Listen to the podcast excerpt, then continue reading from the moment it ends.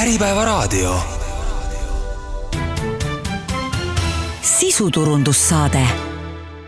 tervist ja tere kuulama sisuturunduse saadet. minu nimi on Hando Sinisalu ja tänases saates tuleb juttu väikeettevõtetele pühendatud konverentsi Südi kaks tuhat kakskümmend neli esinejatega kõigepealt äh, räägib äh, Eesti Väikeste ja Keskmiste Ettevõtete Assotsiatsiooni president äh, Ille Nakkurt-Murumaa sellest, mis mõtteid on tekitanud Majandus- ja Kommunikatsiooniministeeriumi idee plaan Eesti ettevõtluse kraavist väljaaitamiseks ehk plaan, kuidas kahekordistada Eesti majandust edasi räägime turundusest ja sellest, kuidas väikeettevõtted saaksid oma turundust automatiseerida ja saate lõpuosas räägime küberturvalisusest ja sellest, kuidas valida endale sobiv telekomi partner. Väikeettevõtete konverents Südi toimub juba viiendal märtsil Viimsi Artiumis ja ennast kirja sinna saab panna klikkides veebis lingile www.südi, see on siis y-ga südi.ee. majandus- ja kommunikatsiooniminister Tiit Riisalo avalikustas äh, hiljuti dokumendi, mille nimi on Eesti majanduspoliitika põhimõtted ja selle lühikokkuvõte on see, et tuleb siis äh, või plaani järgi peaks Eesti majandus kahekordist-, kahekordistuma aastaks kaks tuhat kolmkümmend viis ja see dokument on juba saanud äh, kriitikat, nagu ikka sellist laadi dokumendid saavad ja, ja ilmselt ka keegi on äh, heaks kiitnud selle või need põhimõtted, aga aga mida väikeettevõtjad sellest arvavad? Äh, Nakrut-Murumaa, EVEA president, mis, mis sinu ja, ja, ja teie assotsiatsiooni selline esimene reaktsioon sellele dokumendile on? Tere kõigile, tunnistan, et äh, nii nagu tavaliselt on ka seekord muidugi riik äh, andnud väga napilt aega selle dok-, tähtsa dokumendiga tutvumiseks, aga ütleme, sellise esimese ülevaate oleme siin isekeskis jõudnud teha. ja, ja põhimõtted on ju ilusad ja head, ehk äh, tõepoolest äh, rõhuda siis sellist stabiilset, läbipaistvat ja, ja etteaimatavat ettevõtluskeskkonda, noh, ettevõtjad ju sellele põhimõttele kindlasti vastu vaielda ei saa ega taha. aga kui sellesse dokumenti pisut sisulisemalt süveneda, siis äh, tundub, et tegemist on jälle sellise peenhäälestamisse kalduva kirjatükiga, kus rõhutatakse küll õigeid põhimõtteid, aga kui lugeda, siis nende põhimõteteni jõudmiseks noh, väga, väga keegi ei ole pingutanud või vaeva näinud et noh, mõned sellised märksõnad, esimene asi, mis siit kohe elluviimiseks tarvilikest tegevustest silma jäi, no kõigepealt näiteks selge ja ettenähtav õigusruum. iseenesest väga, väga mõistlik ettevõtja vaates, väga tarvilik, aga siit on puudu üks oluline asi, et lisaks sellele, et õigusruum peab olema selge ja läbinähtav või ettenähtav, ta peab olema ka ajakohane ja, ja noh, siin ma kohe tahan välja tuua ühe sellise suure takistuse täna ettevõtjate jaoks. see on meie ajale jalgu jäänud äh, töösuhete regulatsioon, et, et tõepoolest ta võib olla ju selge ja ta võib olla isegi nii-öelda arusaadav, aga kui ta on ajale jalgu jäänud ja ta ei reguleeri enam äh, tänast olukorda, vaid ta noh, elab kusagil minevikus, siis, siis paraku ei ole sellest äh, selgusest väga palju kasu ja, ja teine oluline märksõna, seesama äh, ebavajaliku bürokraatia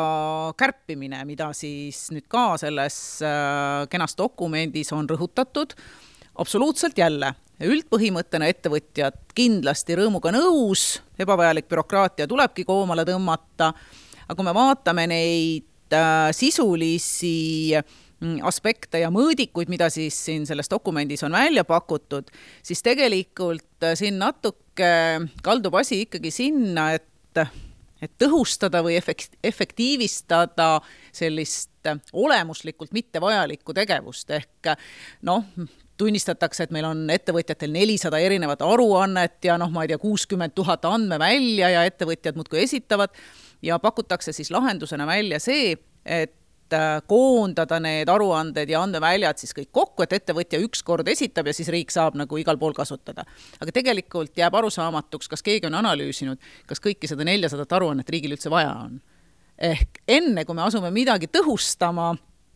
tuleks mõelda, kas kõik need tegevused üldse on tarvilikud ja siis saaks juba minna nii-öelda detailidesse no iseenesest eh, need kaks asja, millest sa rääkisid, eh, seadusandlus ja, ja bürokraatia, noh, on sellised nagu noh, ütleme, eh, väikesed liivaterad või kivikesed seal matkasaapa sees, et, et nad häirivad ja võib-olla natuke võtavad tempot maha aga noh, need ei ole küll nüüd asjad, millega majandus peaks kahekordistuma nii ruttu, et seal on ikkagi vaja mingit palju olulisemat äh, turbot äh, taha, et, äh, et seda teha, et kuidas selle ergutusmeetmete poolega lugu on? no tegelikult äh, tunnistan, et selles dokumendis väga selliseid äh, häid ideid majanduse ergutamiseks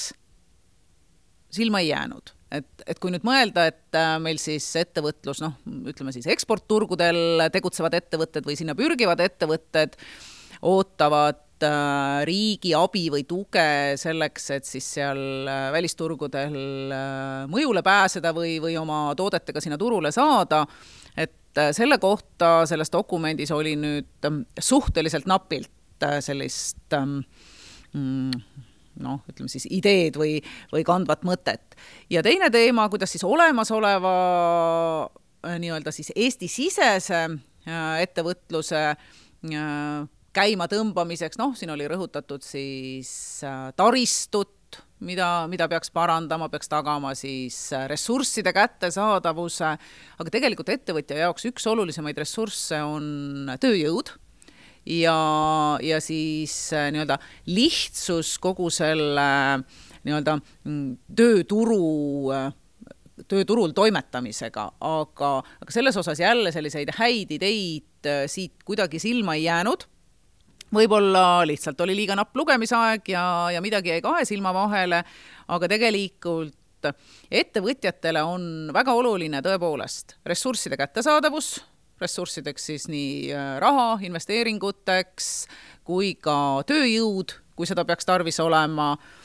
ja, ja teisest küljest siis äh, lihtsus ja, ja, ja ütleme, selline ettenähtavus asjade ajamisel aga paraku mulle tundub, et see dokument ikkagi päris selliseid häid lahendusi ei paku ja, ja tõenäoliselt kui me oleme nüüd ka oma liikmetelt tagasisidet saanud ja jõuame selle ära analüüsida, et siis noh, võib-olla me siis riigile teeme mõned sellised väikesed ettepanekud, aga, aga praegu mulle tundub, et siin sellist suurt kuldmuna peidus ei ole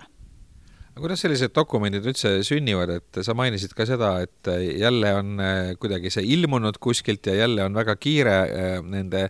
Ehm, paranduste või äh, tagasiside kogumisega, et et see on nagu kuidagi sümptomaatiline, et, et kuskilt ilmuvad mingid kas uued seadused või, või mingid arengukavad ja siis on hästi kiire nende heakskiiduga ja tegelikult nagu sellist äh, laiapõhjalist äh, diskussiooni nagu ei, ei, ei tekigi, et, et oled sa lähemalt näinud ka nende selliste dokumentide sündi, et, et kuidas, kuidas see täpsemalt käib või kust selline asi tuleb? no ütleme, päris äh, lätete juurde ju ettevõtjad tõenäoliselt ei pääse, aga, aga noh, mulle tundub, et siin on selline äh, ministeeriumi vaade, et meil on ühiskondlik tellimus, meil majandus on nüüd vist juba kaheksandat kvartalit äh, languses ja midagi tuleks teha ja siis tublid ametnikud panevad paberile oma mõtted. noh Äh, arusaadav, et äh, ametnike mõtted ja, ja ütleme, selline reaalne ja vahetu ettevõtja nägemus ei pruugi üks-ühele kattuda, aga, aga jah, et mulle tundub, et siin üritatakse siis oma tööplaanis olev ülesanne nii-öelda kenasti ära teha, aga tegelikult alustada tuleks ikkagi sellest, et enne, kui me sellised ideed paberile paneme, peaks, peaks toimuma mingisugune ühiskondlik arutelu või debatt, noh, kas või näiteks selle üle, et äh, jah, õigusruumi lihtsus ja selgus on toredad asjad, aga tekib küsimus, et kas riik üldse peaks reguleerima kõiki neid asju, mida ta siin äh, hirmsasti äh, tahab reguleerida, noh, mõned lihtsad näited, viimasel ajal palju kõlapinda tekitanud seesama niinimetatud vilepuhuja seadus, eks ole, et ettevõtjad peaksid siis looma sellised institutsioonid, kus siis Äh, saab nii-öelda esitada selliseid pretensioone või kaebusi või, äh, või juhtida tähelepanu millelegi, aga tegelikult meil on ju täna tööõiguses kõik, kõik vastavad mehhanismid olemas, meil ei ole tarvis mingit uut seadust selleks, et et seda korraldada. või seesama vaenukõneseadus, noh, meil on ju karistusõiguses vastavad regulatsioonid olemas, et kui keegi ikkagi kutsub üles nii-öelda vägivallale, siis selleks on olemas mehhanismid, või võtame needsamad haldustrahvid, millega riik üritab siin nii-öelda konkurentsiõiguse valdkonnas siis äh, üht-teist reguleerida, jällegi meil on ju karistusõiguses vastavad mehhanismid olemas, meil on väärteomenetlus ja meil on ka kriminaalmenetlus, et tekitada juurde veel mingeid regulatsioone, noh, see pigem ei kanna vilja ja see kuidagi, ütleme, majanduse käimatõmbamise seisukohalt selline äh, aina uute regulatsioonide väljamõtlemine ei anna mingisugust tulemust. No toetustest äh, on, on räägitud nagu mitmes võtmes ja üks äh, üsna levinud seisukoht on selline, et tegelikult ettevõtjad ei, ei vajagi mingeid toetusi, et tegelikult need ettevõtted, mis ainult äh, tänu toetustele elus püsivad, et need tegelikult, see on nagu kunstliku, kunstlikult äh, patsiendi elus hoidmine, et tegelikult lo-, loomulikult peaks ettevõte niisama ka hakkama saama. aga noh, kui need toetused juba on ja ilmselt nad äh, võib-olla aitavad mõnda projekti kiiremini ellu viia või või, või midagi positiivset teha, siis, siis põhiline äh, nagu tagasiside ettevõtjatel murekoht on see, et see bürokraatia on väga keeruline äh,, ja on ju päris palju juhtumeid ka, kus mingisuguse suhteliselt tühise äh, näpuvea tõttu kogu see toetuse raha äh, satub ohtu ja võib-olla tuleb see tagasi maksta, kuna on unustatud mingi aruanne õigel ajal esitamata või või, või mingi muu probleem, et, et mis väikeettevõtjate vaade nendele igasugustele toetustele on, et kas need Neid on küll päris palju praegu saadaval, enamik on need ju mingitest Euroopa fondidest tulenevalt ja noh, põhjendatakse, et tänu sellele need nõuded nii karmid ongi, et need ei ole meie välja mõeldud aga ikkagi, et kuidas see, see, see toetuste olukord on, et mis, mis siin teha annaks? no tegelikult äh, ma ise kuulun ka nende ettevõtjate hulka, kes, äh, kes ideaalis näeks seda, et ettevõtlus peaks suutma ilma toetusteta elus püsida. noh, paraku meil on terved sektorid, noh näiteks põllumajandus ja siin veel äh, mitmed muud, kus kogu Euroopa Liidu äh, süsteem on üles ehitatud sellisele toetamisele. Ja, ja noh, selge on see, et seal nüüd ütleme, kui Eesti loobuks oma ettevõtjate toetamisest, siis see tähendaks sisuliselt selle konkreetse sektori surma, nii et et seetõttu need toetused on, on suuresti ikkagi tarvilikud, noh, täna ka nüüd see nii-öelda mm, selline rohepöördega seonduv et kiiremini siis üle minna sellisele keskkonnasõbralikumale majandamisele aga, aga tegelikult jah, väikeettevõtjate vaates, kui me siin ka EVEA liikmete hulgas teemat arutame, siis ähm, väikeettevõtjad pigem pelgavad neid toetusi. Just sel põhjusel, et esiteks on see bürokraatia äh,, ülikeeruline äh,, hirm äh, millegi vastu eksida on väga suur. Ja noh, väikeettevõtjate indu pärsib loomulikult ka see, et noh, kuna see bürokraatia ongi väga keeruline, siis tuleb alati kaasata konsultant. Konsultant, konsultandile pead sa tasu maksma, sõltumata sellest, kas sul siis õnnestub see toetus saada või mitte. ehk äh, sellega kaasnevad ettevõtjale päris suured kulud ja, ja seetõttu väikeettevõtjad on pigem ettevaatlikud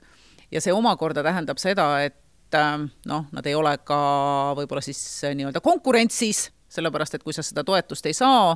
noh, siis see tähendab seda, et sa kas sellele konkreetsele turule ei pääse või, või seda innovatsiooni vajalikus mahus teha ei saa. nii et eks see, ütleme, see toetuste majandus või süsteem on iseenesest väga ahvatlev, aga ta tegelikult pärsib ettevõtete sellist normaalset arengut ja, ja alati on need, kes siis sellest oskavad väga hästi kasu lõigata ja need, kes siis ähm, noh, pigem, pigem loobuvad. Katrin Villimaa Otsing on Turunduskoolituse OÜ juht ja asutaja turundusstrateegia, me räägime, kuidas väikeettevõtted võiksid targemini turundada, üks valdkond, millest palju räägitakse, on turunduse automatiseerimine, see noh, nii-öelda kõlab umbes niimoodi, et automaat või robot teeb äh, suure osa tööd ära ja inimesele vähem tööd ja ja, ja on seevõrra lihtsam ja odavam, et, et kuidas sa seletaksid sellele, sellisele väikeettevõtjale, kes väga täpselt äh, igapäevaselt digiturundusega ei tegele, et mis see turunduse automatiseerimine on, et mis võimalusi see annab? Seal on tegelikult päris palju võimalusi ja sõltub, mis valdkonnas ettevõte on ja mis nagu vajadused on, aga mulle sellisele lihtsale ettevõttele seletamiseks meeldib üks näide, mis mul üks klient ütles, kellega me kunagi tegime sellise automaatse müügifunneli või siis nagu müügitunneli süsteemi, et see on nagu selline väike rahaprinter, et ühest otsast paned äh, uued kontaktid ja hoolitsed selle eest, et sinna jõuaks äh, uut liiklust ja teisest otsast tulevad maksvad kliendid välja. Hmm no see kõlab nagu selline ime ausalt öeldes, et, et nii lihtne see tõenäoliselt ei ole, et seal ikkagi on mingisugused probleemid ka, et et noh, oletame nagu sellist näidet, et noh, oletame, et mingi teenindusasutus, ma ei tea, autorehvi vahetustöökoda või juuksurisalong või hambaarsti kabinet või midagi sellist, et seal kliendid käivad, aja jooksul koguneb seal nendest klientidest siis andmebaas, et seal on näiteks telefoninumbrid ja meiliaadressid ja nimed, et nüüd kuidasmoodi sellele baasile, kes siis noh, on korra juba kasutanud, eeldame, et teenusega rahul, kuidas neile siis seda teenust juurde müüa, edasi müüa no selliste korduvate teenustega on hästi hea see, kui andmebaasi salvestaks ära, millal ta viimati käis või näiteks mida ta on ostnud. ja siis on väga hea kas saata email või sõnumi meeldetuletus, et noh, näiteks hambaarsti puhul sinu viimasest külastusest on aasta möödas, et äh, siin on link, et broneerida meie kontrolli aeg mm. -hmm. no sama lugu on, eks ju, rehvivahetusega, mis on meil hooajaline, et on paar või kaks korda aastas on selline kuupäev, jah, üllatus, kus kõik jätavad viimasele minutile, et ilmselt oleks ju ka sellel auto parandustöökojal mugavam, kui kõik kliendid ei tuleks viimasel hetkel, et see oleks kuidagi ühtlasemalt jaotunud. Mm. -hmm ometi seda tehakse nii vähe, ausalt öeldes mulle väga ei meenu, kuigi ma kasutan nii juuksuri, hambaarsti kui rehvivahetuse teenuseid, et mulle äh, neid saadetakse, et ainuke asi, mis nagu tuleb suht korralikult, on need meeldetuletused, et kui ma olen kuskile broneerinud aja, et siis tuleb tavaliselt meeldetuletus äh, sõnumiga. et, äh, et mul see aeg just oli, aga et nagu aktiivselt tuletatakse meelde, et kuule, tule kontrolli või tule näita või tule juuksurisse, teeme su jälle ilusaks, et sellist asja ausalt öeldes küll ei meenu seda on vist suhteliselt vähe jah, mina ikka mõnes ettevõttes vist olen saanud neid kirju aga see pigem vist jääb selle taha, et kujutatakse ette, et see on hästi palju tööd või et see on kindlasti väga kallis ja ei jaksa süveneda või siis noh, ongi kliente liiga palju, et liiga hästi läheb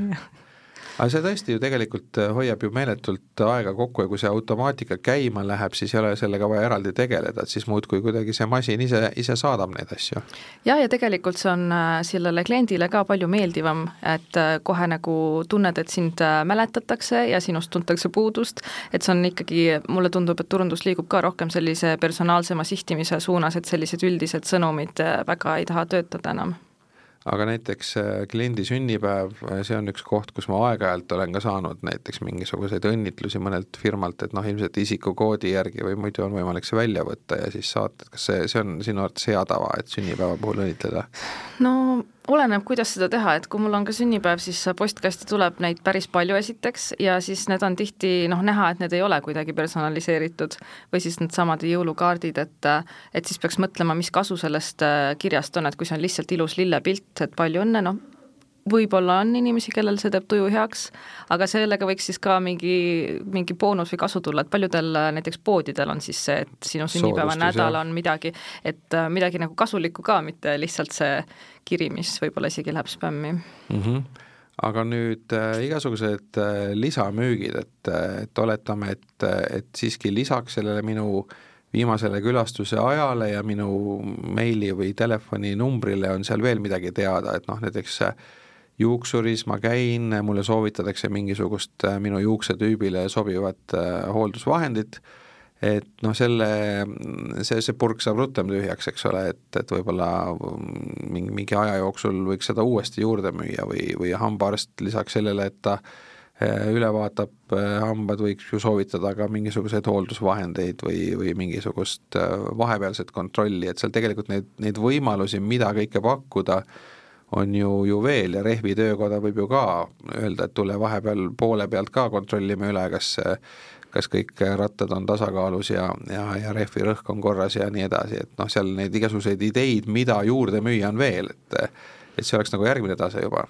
jaa, äh, juurdemüük äh, või siis ka sama asja uuesti müük, et selles mõttes äh, öeldakse ka ju, et raha tegelikult ongi sinu püsiklientides, uue kliendi saamine on alati kallim kui olemasolevale juurde müüa või siis talle midagi uut pakkuda, et tegelikult peaks mõtlema selle peale, kui sul noh, endal ei ole niisugust asja, mida saab nagu kogu aeg juurde müüa, siis äkki sa leiad mingi partneri, kes, kellele siis vahendad näiteks äh, enda tehinguid ja saad ise mingisugust vahendustasu, et neid variante on tegelikult mega palju, mida saaks äh, teha, et seda juurdemüüki tekitada. Siis tekib küsimus, milline süsteem või milline automaat seda teeb, et paljudel väikeettevõtetel ei ole mingisugust keerulist tarkvara, et, et kui palju see maksab või mis need lahendused on, et kui ma tahangi sedasama lihtsat asja teha, et korduskülastuse meeldetuletust teha näiteks ma ei tea, poole aasta pärast või aasta pärast, et et kui kallis see süsteem on, see tarkvara, et mis, mis võim-, mis võimaldaks seda teha? no minimaalne, mis peaks olema, on mingisugune CRM ehk siis nagu klientide halduse süsteem,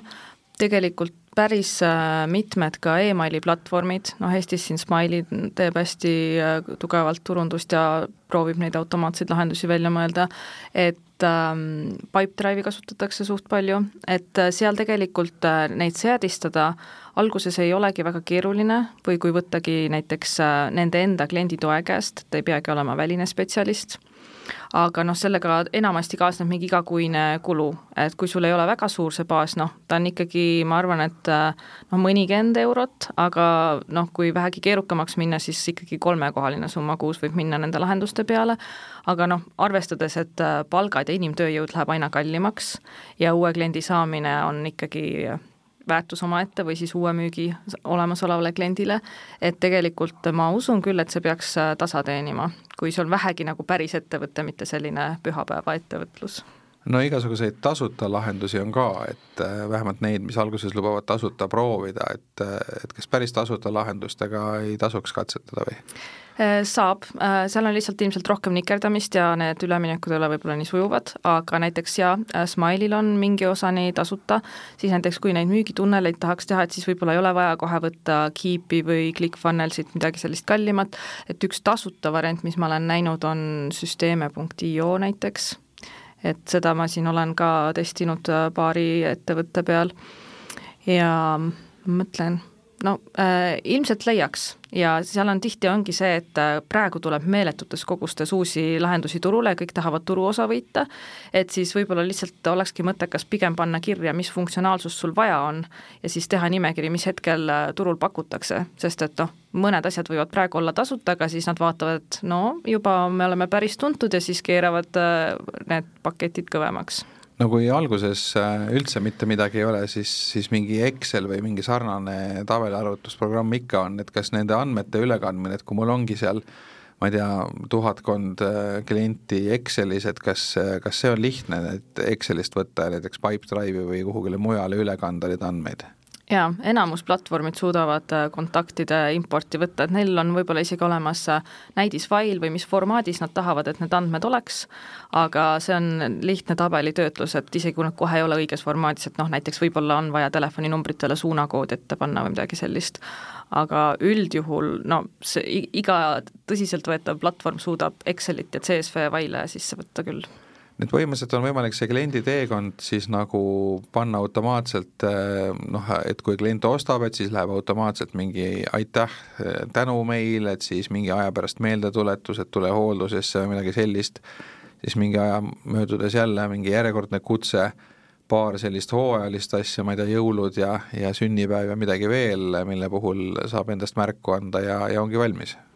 jah, see on väga hea stardipositsioon, vaadates Eesti turul ringi, siis see juba oleks äh, eriline või noh, eristuks konkurentidest. mis sinu hinnangul see automatiseerimise tase on, et kui paljudel ettevõtetel ähm, see üldse toimib, et äh, noh, ma ei tea, sa ise oled ju ka päris paljude erinevate ettevõtete klient, et, et, et kuidas sa nagu sellest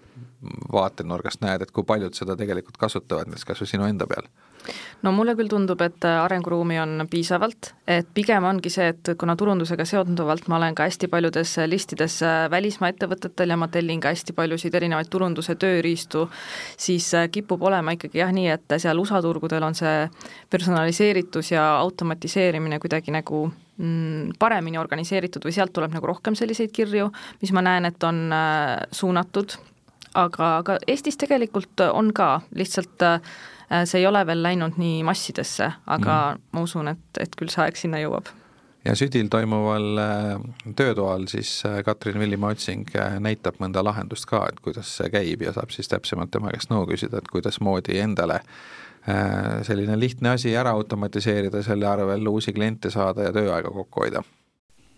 Martti Kebinau, Telia Eesti äh, küberturbeteenuste meeskonna juht, kui äh, nüüd mõni väike ettevõte, kohvik või autoremondi töökoda või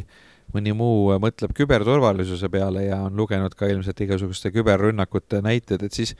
paljud mõtlevad, et aga, aga mis see minusse puutub, et ma olen nii väike, noh, nii-öelda mõttetu maailma mastaabis, et rünnatakse ikka suuri taristuettevõtteid ja, ja panku ja nii edasi, et kes see ikka minu minu kohvikut ründama hakkab, et ei ole sealt äh, eriti mingeid huvitavaid andmeid varastada ega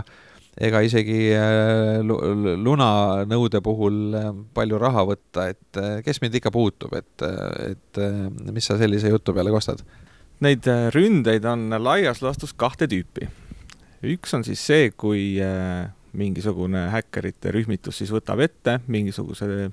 sihtmärgi ja üritab sinna sisse saada selliste puhul ma arvan, et on Eesti väikeettevõtted üsna äh, kaitstud ja nendele tõesti nagu selliste rühmituste poolt tähelepanu ei pöörata. aga teine tüüp ründeid on sellised, kus äh, äh needsamad rühmitused siis logistavad uksi ja vaatavad siit ja sealt, kus on mingid turvanõrkused, mida saaks ära kasutada, kus on mingid asjad tegemata jäetud, kus on nii-öelda uksed ja aknad pärani lahti. et äh, siis on ainult aja küsimus, millal keegi otsustab, et aga läheks vaataks, mis seal sees on nii et te tegelikult ei pea üldse keegi teadma, mida sa teed, millega sa tegeled äh,, aga kui sul on uksed lahti, siis varem või hiljem keegi tahab tulla lihtsalt vaadata, et kas siit ka midagi võtta on ja küll nad siis ikka midagi leiavad ka, mida sealt võtta. No e-kaubandusega seoses on päris palju lugusid, et, et mõni väike e-pood ähm, äh, on tegelikult iseenesest äh, ei olegi võib-olla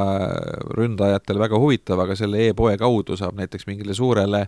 logistikaettevõttele äh, sisse murda, et, et, et see on ka tegelikult üks selline ohukoht. jaa, absoluutselt, selliseid ründeid suurettevõtete pihta tehaksegi pigem väikse teenusepakkuja kaudu sest et äh, suured on ennast äh, enamjaolt juba üsna hästi ära kaitsnud, kuna nad on juba pikka aega olnud äh, sihtmärgiks, et siis üritataksegi pisemate teenusepakkujate kaudu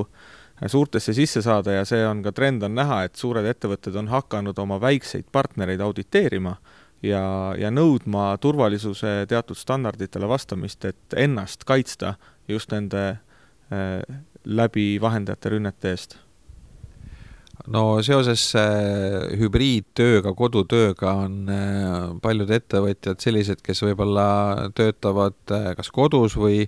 või isegi näiteks mõnes avalikus võrgus, et istud päev otsa kohvikus ja teed seal tööd ja ja, ja vahel on vaja ka pangaülekandeid teha või, või mingit muud sellist väga äh, turvalist tegevust, et kui lihtne sellises olukorras on küberkurjategijal sinna äh, Äh, oma karvane käsi vahele saada ja, ja andmeid varastada või lausa raha varastada? turvalisuse vaatest ähm, mina ütleks, et, äh, et on selline mingisugune baastase, mis peaks olema igal ettevõttel saavutatud selleks, et selline suur osa igasugust jama ära hoida. Äh, üheks selliseks ongi seesama ähm, nii-öelda ühenduse turvalisus. et kontoritesse pakutakse turvalist internetti, näiteks Telia Turvanet, äh, kui sa sealt kontorist nüüd ära lähed, siis sa oled äh, tõesti äh, in the wild west, ehk et ega sa, ega sa ei tea, kuhu sa lähed ja kus sa täpselt enda ühenduse püsti saad. et lennujaamades näiteks on tehtud isegi selline uuring siin mõned aastad tagasi, et otsiti turvalist lennujaama internetti, et kus siis ühtegi kratti juba vahel ei oleks. ei leitud mitte ühtegi, et kohvikus samamoodi, et kui mina sealsamas kohviku taganurgas ise internetti pakun, tasuta internetti, tuleb äh, inimene sinna, ühendub minu sellesse võrku, siis ma näen ju kõike, mis ta sealt teeb, eks ju. et selles mõttes see turvaline ühenduvus on üks, äh, ma ütleks, kolmest sellist, sellisest väikse ettevõtte baasturvalisuse tagamise vahenditest, et, ähm, et mina soovitaks küll ettevõtjatel äh, pakkuda siis töötajatele kontorist väljas töötamiseks kas siis äh, SIM-kaart arvutisse, millega saaks siis mobiilsesse võrku, et ei ühenda kuhugi ebaturvalisse wifi'sse, või siis lihtsalt enda telefoniga hotspot jagada, et ikkagi saaks nagu äh, aga noh, siis see, seal, seal peab see wifi turvalisus siis tagatud olema tugeva parooliga, et et kratt sinna sisse ei saaks ka kohe. ja, ja võib-olla need kiiresti need teised kaks ka siis mõtet ära, et et üks on siis see ühenduse turvalisus ehk turvanet, teiseks on lõppseadmete kaitse. Et tõesti, kui sa oled oma kodu internetis või satud kuhugi, kus sa täpselt ei tea, filtrit peal ei ole, näiteks seesama ähm,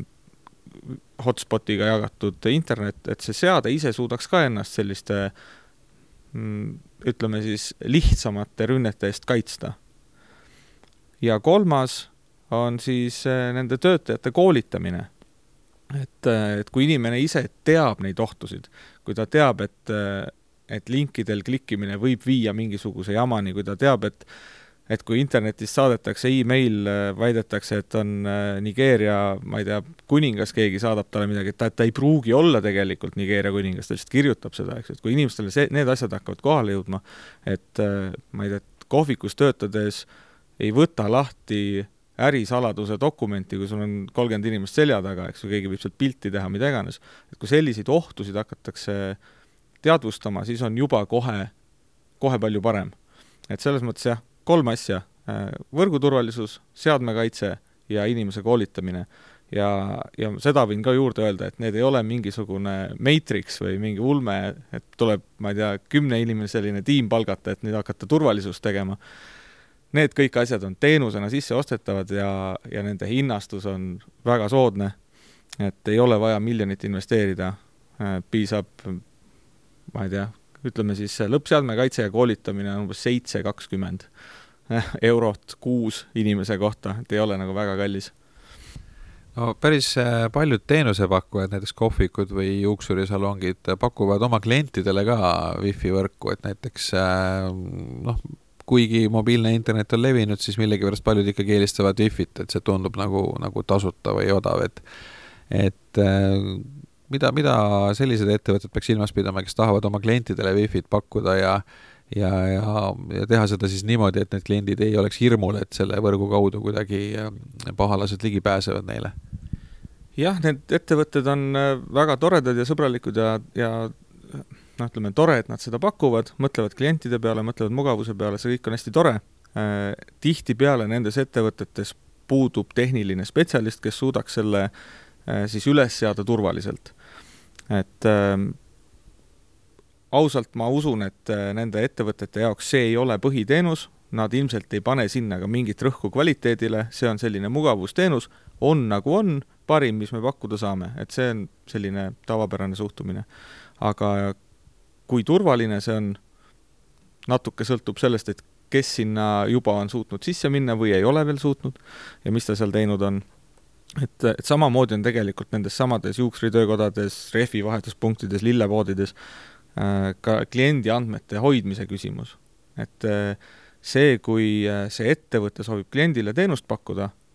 ja see ei ole tema põhitegevus, siis ta ei pööra seal turvalisusele tähelepanu ja minu kui kliendi andmed seal näiteks Lillepuu andmebaasis, mina ju ei tea, kui turvaliselt need hoitud on, mis kujul neid kuskil hoitakse. ja kui mina nüüd sinna lähen teadmatusest koolitamata inimesena äh, ma ei tea, registreerin ennast mingisugusele kampaaniale, et saan siin naistepäeval soodsamalt lilli saata mööda Eestit laiali, panen sinna oma emaili aadressi ja parooli ja kui ma panen sinna oma näiteks Gmaili aadressi ja sama parooli, mida ma kasutan Gmaili sisse logimisel, siis isegi, kui see lillepood ise mind ei taha õnge tõmmata, siis mõni kratt võib saada selle lillepuu andmebaasile ligi ja ikka on mu andmed kadunud ja minu äh, nii-öelda digitaalne identiteet läinud. ehk et siis äh, hästi ettevaatlikult tuleb suhtuda ja just sellepärast ma räägingi, et tuleb koolitada inimesed, nad teadvustaksid neid ohtusid endale kuidas, äh, kui, kui suur on see oht, et kui äh, ma näiteks selles samas mainitud lillepoes teen kaardimakset, et minu äh, kaardiandmed sealt poest võiks minna kaduma, juhul kui keegi pahalane on sinna võrku vahele saanud, et, et kas see on pigem teoreetiline võimalus või on see reaalne oht? no kui me vaatame üldiselt seda küberturbe ja, ja küberkrattide maailma, et siis et seda võib võrrelda nagu sellise lõvi eest ära jooksmisena, et kui kari jookseb lõvi eest ära, siis tegelikult ei ole kõige olulisem olla see kõige kiirem. lihtsalt ei tohi olla viimane, eks ju. ja, ja ütleme, et kui nüüd seda võrdlust tuua, et esiteks siis äh, ettevõtetele üks soovitus, et ärge olge viimane, midagi tuleb teha. kui te olete nüüd oma kasutajad ära koolitanud, lõppseadmed ära kaitsnud ja olete turvalise interneti otsas, siis te viimane täna veel ei ole, siis on keegi veel, kes seda teinud ei ole. aga need pangad, nemad on need kõige tublimad, nad jooksevad seal kõige ees. et nemad on selle peale mõelnud ja üldiselt meie panga ülekanded ja kaardimaksed on ikkagi turvalised äh, ja, ja seal on selle võrgu peale ka mõeldud. Telia Eesti äh, väikeste ja keskmiste ettevõtete ärisegmendi juht äh, Tuuli Kruusimägi, kui analüüsida üldist olukorda, et mida täna väiksed ja keskmised ettevõtted oma telekomi, IT, internetipartnerilt kõige rohkem ootavad, et noh, hind alati on oluline, sellest ei maksa isegi eraldi rääkida, aga mis laadi teenust või mis nende jaoks oluline on? meie näeme jätkuvalt, et ettevõtted investeerivad kaasaegsesse töökeskkonda, neile on oluline turvalisus, neile on oluline kvaliteet Äh, ära on, äh, aru on saadud sellest, et äh, töötamise jätkusuutlikkuse tagab nende ettevõttele see, kui vähemalt telko asjad toimivad laitmatult. et ei tohiks olla selliseid elementaarsetes teenustes katkestusi, et see on see nagu usalduse koht, mida oodatakse oma, oma telko partnerilt. et kui Äh, väikeettevõte valib endale IT-telekomi partnerit, et tal nagu laias laastus on täna valida Eestis äh, kolme pakkuja vahel, et äh, see valik on olemas, aga ta ei ole nüüd väga suur ka. et kui oluliseks kliendid peavad sellist lojaalsust või, või pikaajalist suhet ja, ja mida siin Telia pakub teistmoodi või paremini kui, kui võib-olla teised turul olijad? No see on üks koht, kus me saame uhkust tunda ja näeme, et äh, meil on hästi stabiilse pikaajalisega pikaajalised suhted klientidega, et äh, üle viiekümne protsendi ettevõtetest, kes on täna äh, Telia väikeettevõtte kliendid, on üle kümne aasta meie juures olnud. See näitab seda, et meil on sellised ühised väärtushinnangud, et ühtemoodi meie äh, julgeks öelda, et mõistame äh, väikeettevõtete vajadusi ja nemad tajuvad, et me oleme siis ajas äh, nendele vastanud ja nendega koos kasvanud. et äh, sageli alahinnatakse võib-olla väikeettevõtete segmenti tervikuna, et et niisugused võib-olla mees ja koer tüüpi ettevõtted, et aga kui me vaatame üldse Eesti ettevõtetest siis, siis üheksakümmend protsenti äh, Eesti ettevõtetest on väikeettevõtted ja nad on väga tublid. Äh, ja vaatame võib-olla sellist näitajat, mida meie teame, et äh, täna väikeettevõtetest kõige suurem osakaaluga on näiteks neil 5G võimekusega seadmeid. Neil oli kõige vähem 3G võimekusega seadeid, mida 3G võrgu sulgemisel me kohtasime. et taaskord ma ütleks, et, et need väikeettevõtted tahavad äh, teha oma äri paremini, äh, tahavad mõista seda, kuidas äh, meie Teliana neie partneriks oleme ja ma näen, et see on see koht, mille pärast meid valitakse, et see usaldus, et me teeme täpselt sama asja, et me tahame ka olla paremad, jätkusuutlikumad, kestvamad. Ähm, kuidagi ma tunnen, et see, see valik on selline emotsionaalne pigem kui võib-olla mõnes kohas kas rahaline või funktsionaalne. et see vastastikku usaldus on meil täna kõrge. no see töö ja töökoha iseloom on viimasel ajal päris palju muutunud ja, ja ilmselt ka väikeettevõtete puhul paljud töötavad äh, kodukontorist või üldse teisest riigist ja see toob endaga kaasa päris palju äh, väljakutsed, et mis sa siin osas näed, et et millised need ettevõtete vajadused on äh, ja, ja, ja kuidas teie nendele vajadustele saate siis äh, vastavalt äh, lahendusi pakkuda? Ähm, üks oluline koht kindlasti on turvalisus, selle teadlikkus on üha kasvanud, kasvanud ka väikeettevõtete seas Telial on siin palju teenuseid, mis puudutab viirusekaitset, küberkaitset, ainuüksi meie kontori internetiteenus on üles ehitatud nii, et ta ei ole ainult enam internetiteenus, vaid ta on äh, turvafiltriga kaitstud, äh, võrk on kaitstud meil äh, ehk et turvafiltriga kaitstud internetiteenus ähm,. küll, mis võiks olla veel väikeettevõtetes suurem äh,, on see ettevõtete endi teadlikkus sellest, et need ohud on äh, pigem realistlikumad kui äh, sellised ähm, jutu tasandil. et ähm, võib-olla hea võrdlus siin äh, oleks tuua see, et äh, turvapatjadega autod, et me kõik sõitsime tagaistmel ilma turvavööta mõnda aega tagasi, aga liikluses on täna autosid palju rohkem ja me sõidame kõik turvavööga tagaistmel, et tegelikult ka täna internetiliikluses või üleüldse küberturbemaailmas on nüüd ohtusid nii palju rohkem, et peaks äh, keskenduma rohkem turvalisusele, et see on see koht, kus me näeme, et äh, täna meil on ühisosa, täna me peame tegema ettevõtetega koostööd ja väga hea näide selleks, et kas või viirusekaitseteenust äh, sel aastal on meie käest ostetud kaks korda rohkem kui varasemalt no igasugused videokoosolekud ja muu selline tähendab, et, et andmemahud lähevad järjest suuremaks ja tegelikult äh, ka nõuded, et keegi ei rahuldu enam mingi uduse, uduse Zoomi pildiga, et tahavad näha ikkagi väga teravat ja head pilti ja korralikku heli. ja igal pool, kus see inimene iganes ka ei asuks. Et et, et kuidas siin on eh, praegu olukord eh, lahendustega, et kui, kui keegi tahab niimoodi, et tal on ütleme kümmekond töötajat üle Eesti laiali, võib-olla mõni ka välismaal ja siis aeg-ajalt pidada videokoosolekuid, et oleks korraliku kvaliteediga heli ja pilt, et mis, mis lahendusi selles osas te pakute? taaskord nii üle õhu kui ka siis äh, kaabliga internet, et äh, Äh, mahud on äh, läinud äh, valdavalt juba piiramatuks. Eestis ei ole täna veel seda, et piiratakse kiiruseid. et ma ütleks, et me oleme suhtes võib-olla teistesse Euroopa riikidesse ka palju paremas kohas siin. et kvaliteedi poolest ja, ja, ja mahtude ja kiiruse poolest on meil väga häid teenuseid, kõigil teenusepakkujatel tegelikult, eks. et me oleme üldse nagu äh, Äh, Euroopa mõistes äh, heas kohas siin. Äh, hinnast rääkides noh, ilmselt ei ole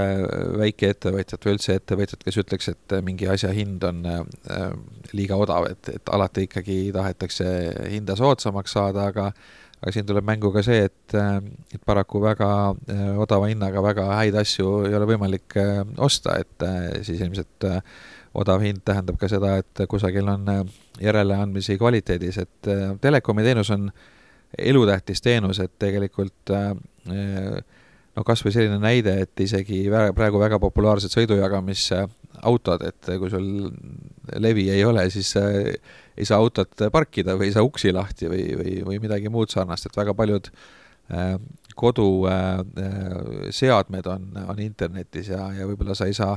ei saa oma äh, kütet välja või sisse lülitada, kui sul ei ole, ei ole korralikku teenust, et, et äh, kontorites samamoodi valved ja, ja ukse avamised ja kõik töötavad sellega, et kui hakata meenut-, üles loetama kõiki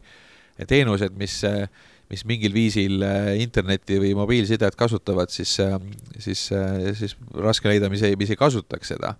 et, et, et kuidas te argumenteerite, et kui nüüd keegi hakkab siin väga Äh, selle hinna üle norima, et ikkagi miks nii palju või miks see vajalik on, et, et, et kuidas te seda põhjendate, et, et kuidas seda hinna ja kvaliteedi suhet enda jaoks kõige paremini äh, äh mõista ja sõnastada? Üks hea koht või hea näide on võib-olla see, et kui, ähm, kui kaks tuhat kakskümmend tuli Covid, et äh, enne seda oli, ütleme, see internet ja kõne ja oli natuke nagu sihuke elekter, et see on mul ja, ja mis ma, noh, et kuidas ma teda väärtustan, on ju, aga et me nägime nii Covidi ajal kui peale seda meie klientide tagasisidest ja meie vestlustest klientidega, et kuidas seda äh, Äh, telko teenust hakati võtma üha enam sellise elutähtsa teenusena. ja äh, sageli kadusid ära vestlustest need kohad, et et aga saaks soodsamalt ja mis hinnaga ja miks nii palju ja siis ütleme, et need vestlused liikusid rohkem jällegi sellise kvaliteedile ja väärtusele ja pikaajalisuse kui sellele, et mitu ma ei tea, sõnumit või, või mitu kõneminutit täpselt minu paketis on ja sellest paketi võrdlusest on meie nägemuses kliendid üha enam nagu eemale astumas ja mõtestavad seda kui, kui elutähtsat teenust ka oma ettevõtte toimimiseks, et töö ei katkeks. ja see on nagu väga suur rõõm näha, et niipidi vaadatakse oma ettevõtte äh, toimetamisele. ja ma põhjendaks seda ka sel-, sellisena aitäh, Tuuli Kruusimägi, äh, Telia Eesti väikeste ja keskmiste ettevõtete äh, äridivisjoni juht. Aitäh kuulamast ja kohtume siis kõigiga juba viiendal märtsil Viimsi Artiumis toimuval konverentsil Südi